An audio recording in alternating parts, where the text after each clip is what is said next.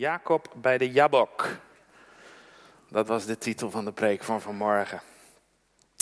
En um, de Jabok is een rivier. En bij de Jabok, daar worstelt Jacob met God. Daar krijgt hij de naam Israël. Strijder Gods. Omdat daar op die plek die worsteling plaatsvindt. En vanuit Jacob vormde God zijn geliefde volk Israël. Jacob kreeg twaalf zonen. En deze zonen, dat zijn de stamvaders van het volk Israël. En God belooft aan Abraham, de opa van Jacob, Isaac, de vader van Jacob, en aan Jacob, en later ook aan Mozes en aan Joshua een stuk land. En de grenzen van dit stuk land staan in Jozua 1. Zullen we dat eens met elkaar opzoeken? Jozua 1, vers 4. En ik lees dat uit de herziende statenvertaling.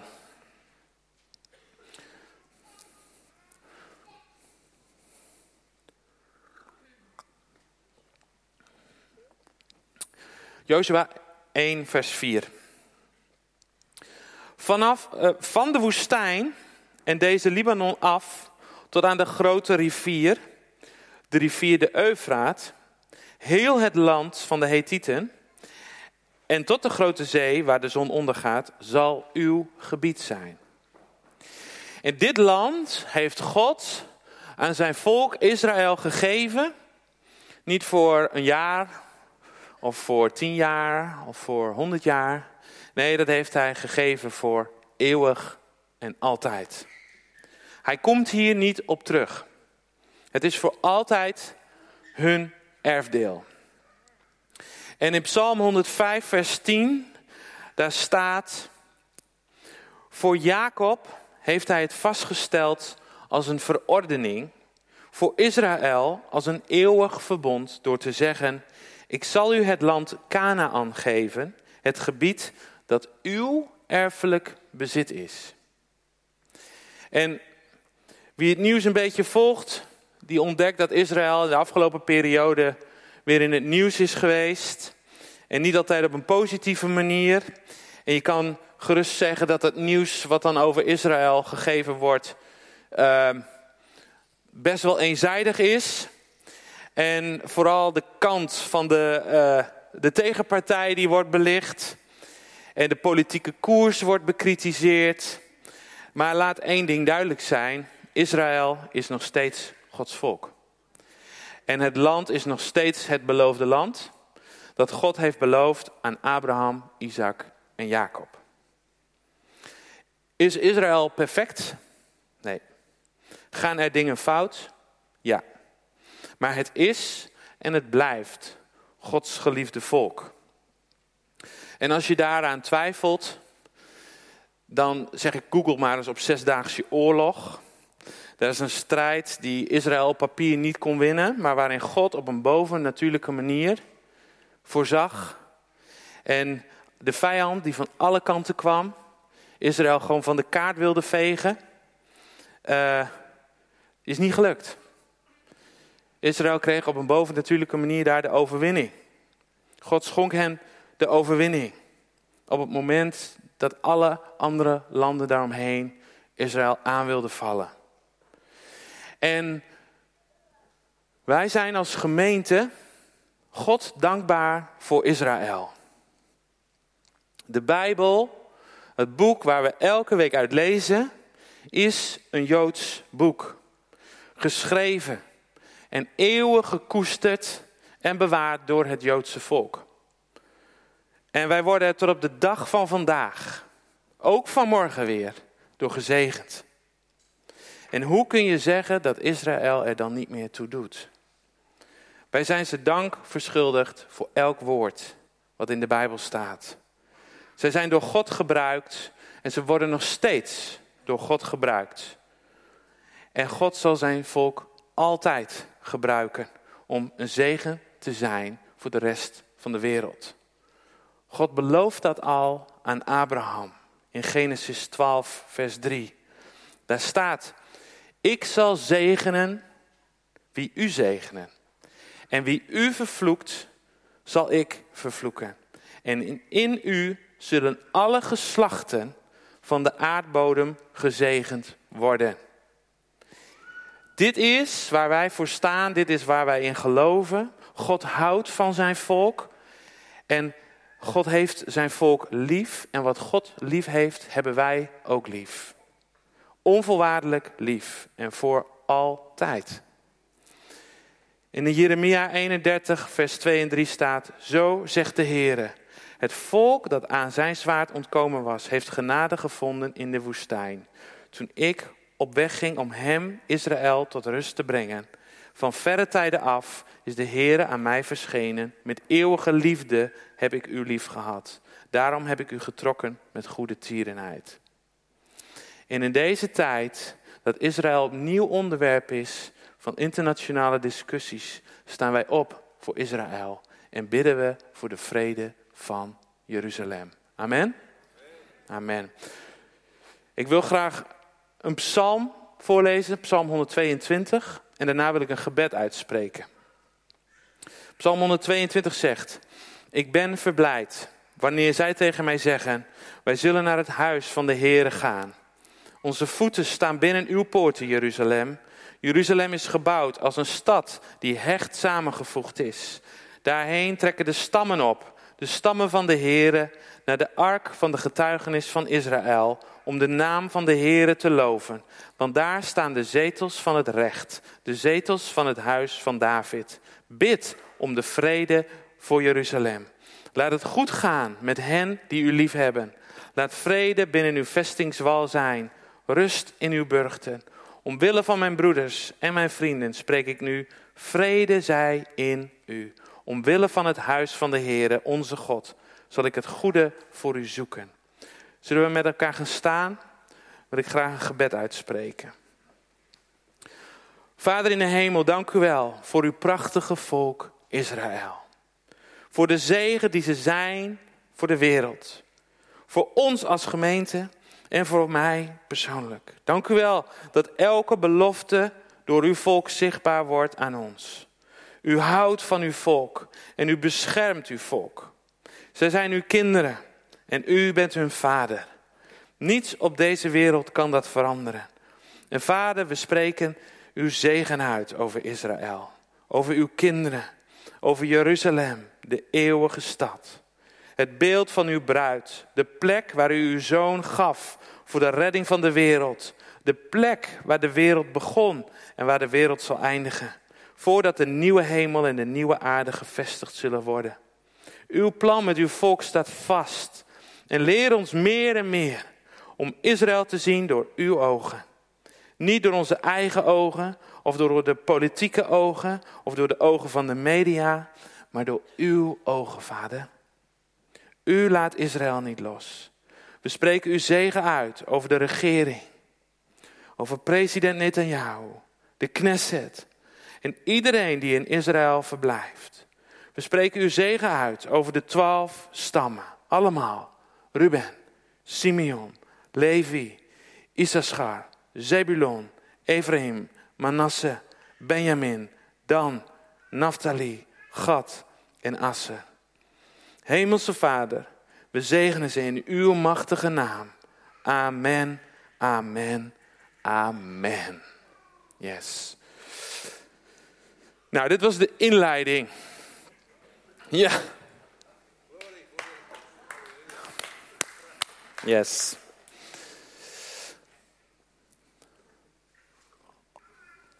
Maar wel een belangrijke inleiding. Zoals ik al zei, de titel van mijn preek van vanmorgen is Jacob bij de Jabok. En ik wil graag een gedeelte met jullie lezen wat staat in Genesis 32. En dan vanaf vers 24 tot en met 32. We lezen veel Bijbel vanmorgen.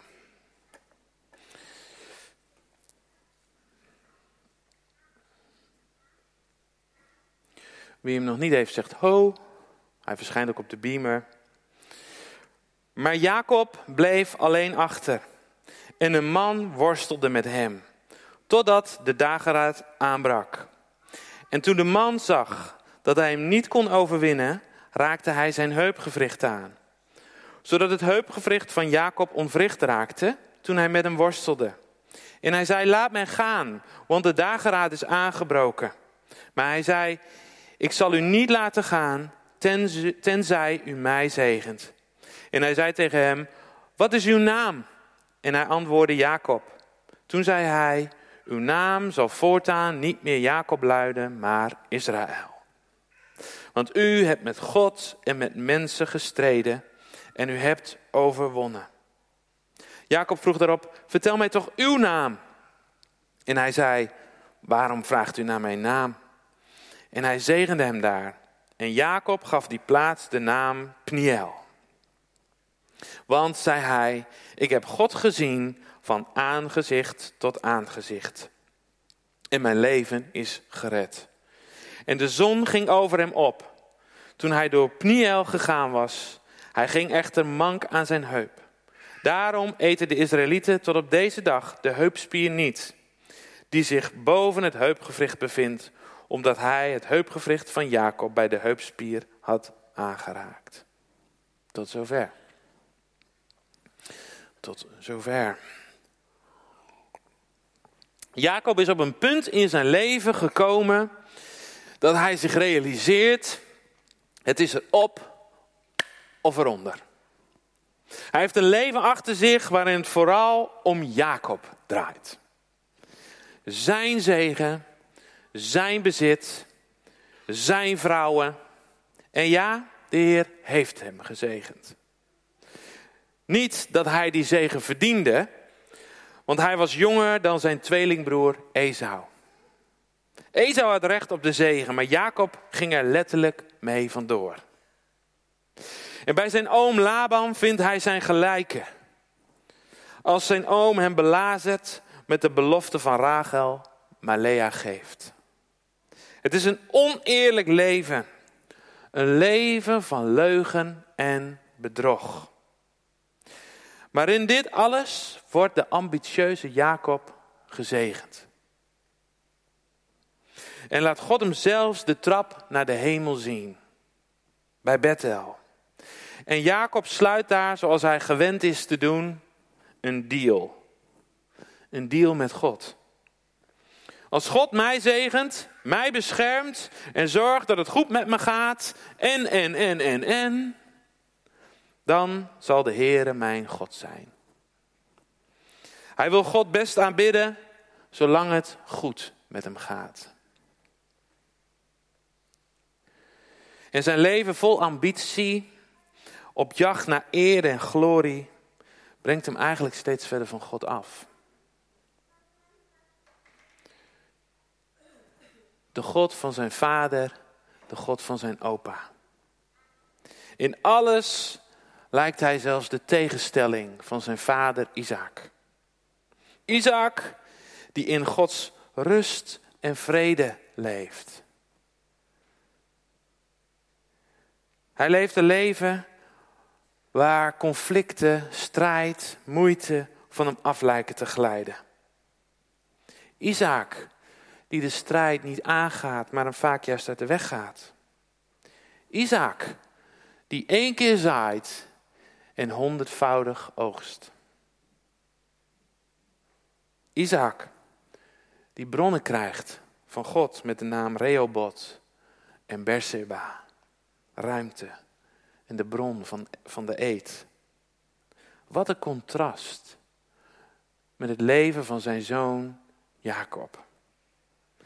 Zijn leven lijkt een en al hard werken. Strijd, moeite. Leven in de angst dat je broer je wil vermoorden. En hij doet alles, alles wat er in zijn vermogen ligt om hier aan te ontkomen.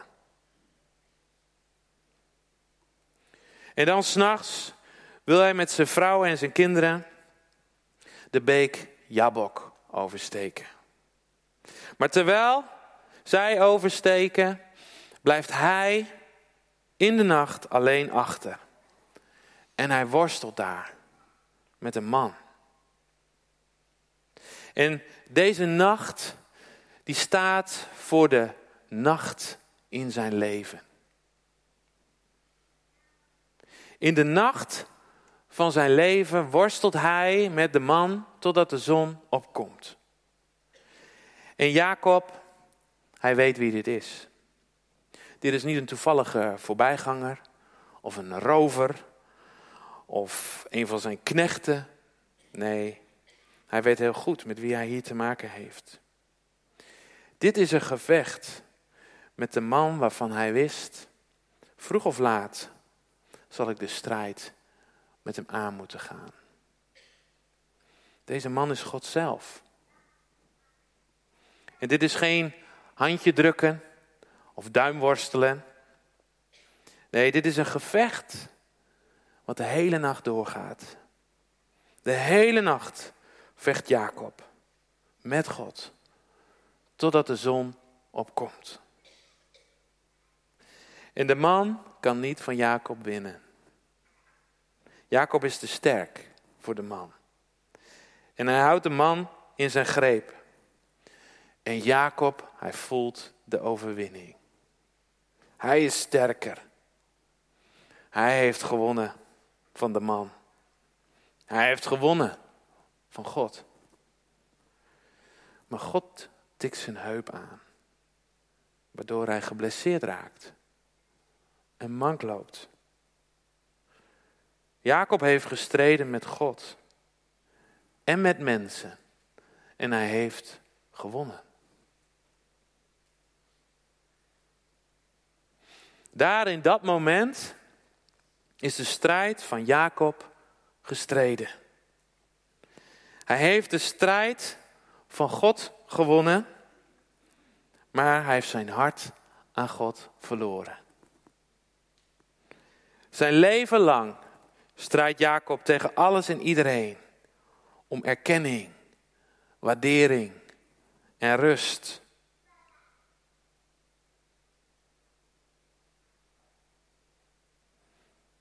Maar zijn leven lang wil hij alleen maar meer waardering, erkenning en rust. Het is nooit genoeg. En daar in dat moment, aan de oever van de beek, levert hij zijn laatste strijd met God. Net zo lang totdat de zon over hem gaat schijnen. En hoe is dat voor jou vandaag? Is het nacht in jouw leven? Ben je op zoek naar de erkenning die je niet krijgt? Of de waardering die je niet krijgt? De rust die je niet krijgt? Is het teleurstelling in je leven gekomen door mensen die je besodemieterd hebben, die je belazerd hebben of die je pijn gedaan hebben? Misschien is er wel ongekende zegen in je leven. Geld, vrouw, auto, kinderen, werk. Maar is het net als bij Jacob nooit genoeg? Is Lea niet genoeg? Wil je Rachel? Is het tweede zoon zijn niet genoeg? Maar moet je de eerste zijn?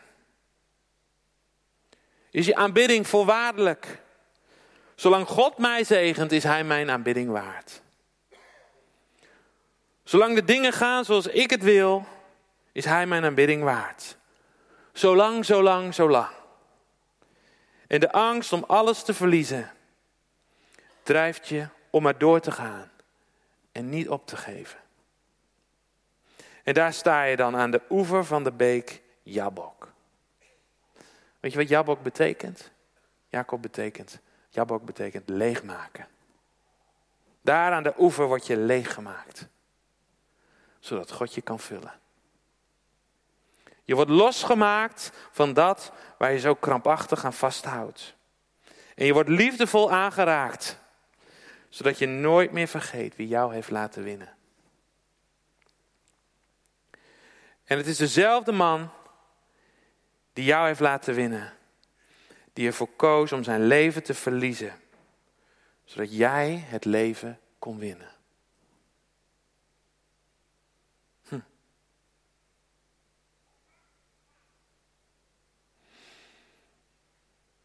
Die de laatste strijd streed.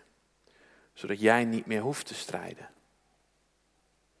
Die het gevecht leverde in de duisternis zodat de zon over jou kan opgaan. Die zichzelf verlogend heeft, zodat jij erkenning krijgt. Die zichzelf heeft vernederd, zodat jij waardering krijgt. Die de strijd heeft geleverd, zodat jij rust en redding vindt voor je ziel.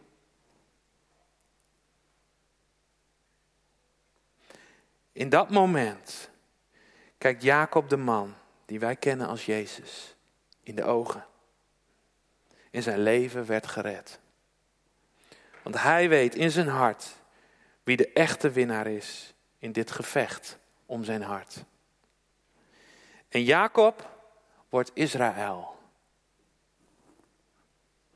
En hij noemt de plaats Pniel, wat betekent aangezicht van God. Want daar heeft hij God gezien, van aangezicht tot aangezicht. De bedrieger wordt een strijder van God. Want hij heeft God gezien. En de vraag aan jou vandaag is: heb jij God gezien? Is Hij in jouw leven verschenen? Heb je Hem je hart gegeven of ben je nog aan het vechten? En als dat zo is, mag ik vandaag tegen je zeggen: geef het op. Geef het op. Geef je over aan Jezus. En ik wil graag afsluiten met een gedeelte uit, uit Hosea 12, vers 4 tot en met 7. Daar staat: In de moederschoot pakte hij zijn broer bij de hielen. In zijn kracht streed hij met God. Hij streed met de engel en overwon. Wenend vroeg hij hem om genade. In Bethel vond hij hem. En daar sprak hij met ons. Namelijk de Heere, de God van de legermachten. Heere is zijn gedenknaam. En u, bekeer u tot uw God. Houd u aan goede tierenheid en recht. Zie voortdurend uit naar uw God. Jezus nodigt ons uit om dicht bij Hem te blijven. Net als Jacob. Om ons te beroepen op de genade van Jezus. Om te verblijven in de liefde van de Vader. En met elkaar te leven in de gemeenschap met de Heilige Geest. Om voortdurend Zijn wil te zoeken. En Hem lief te hebben.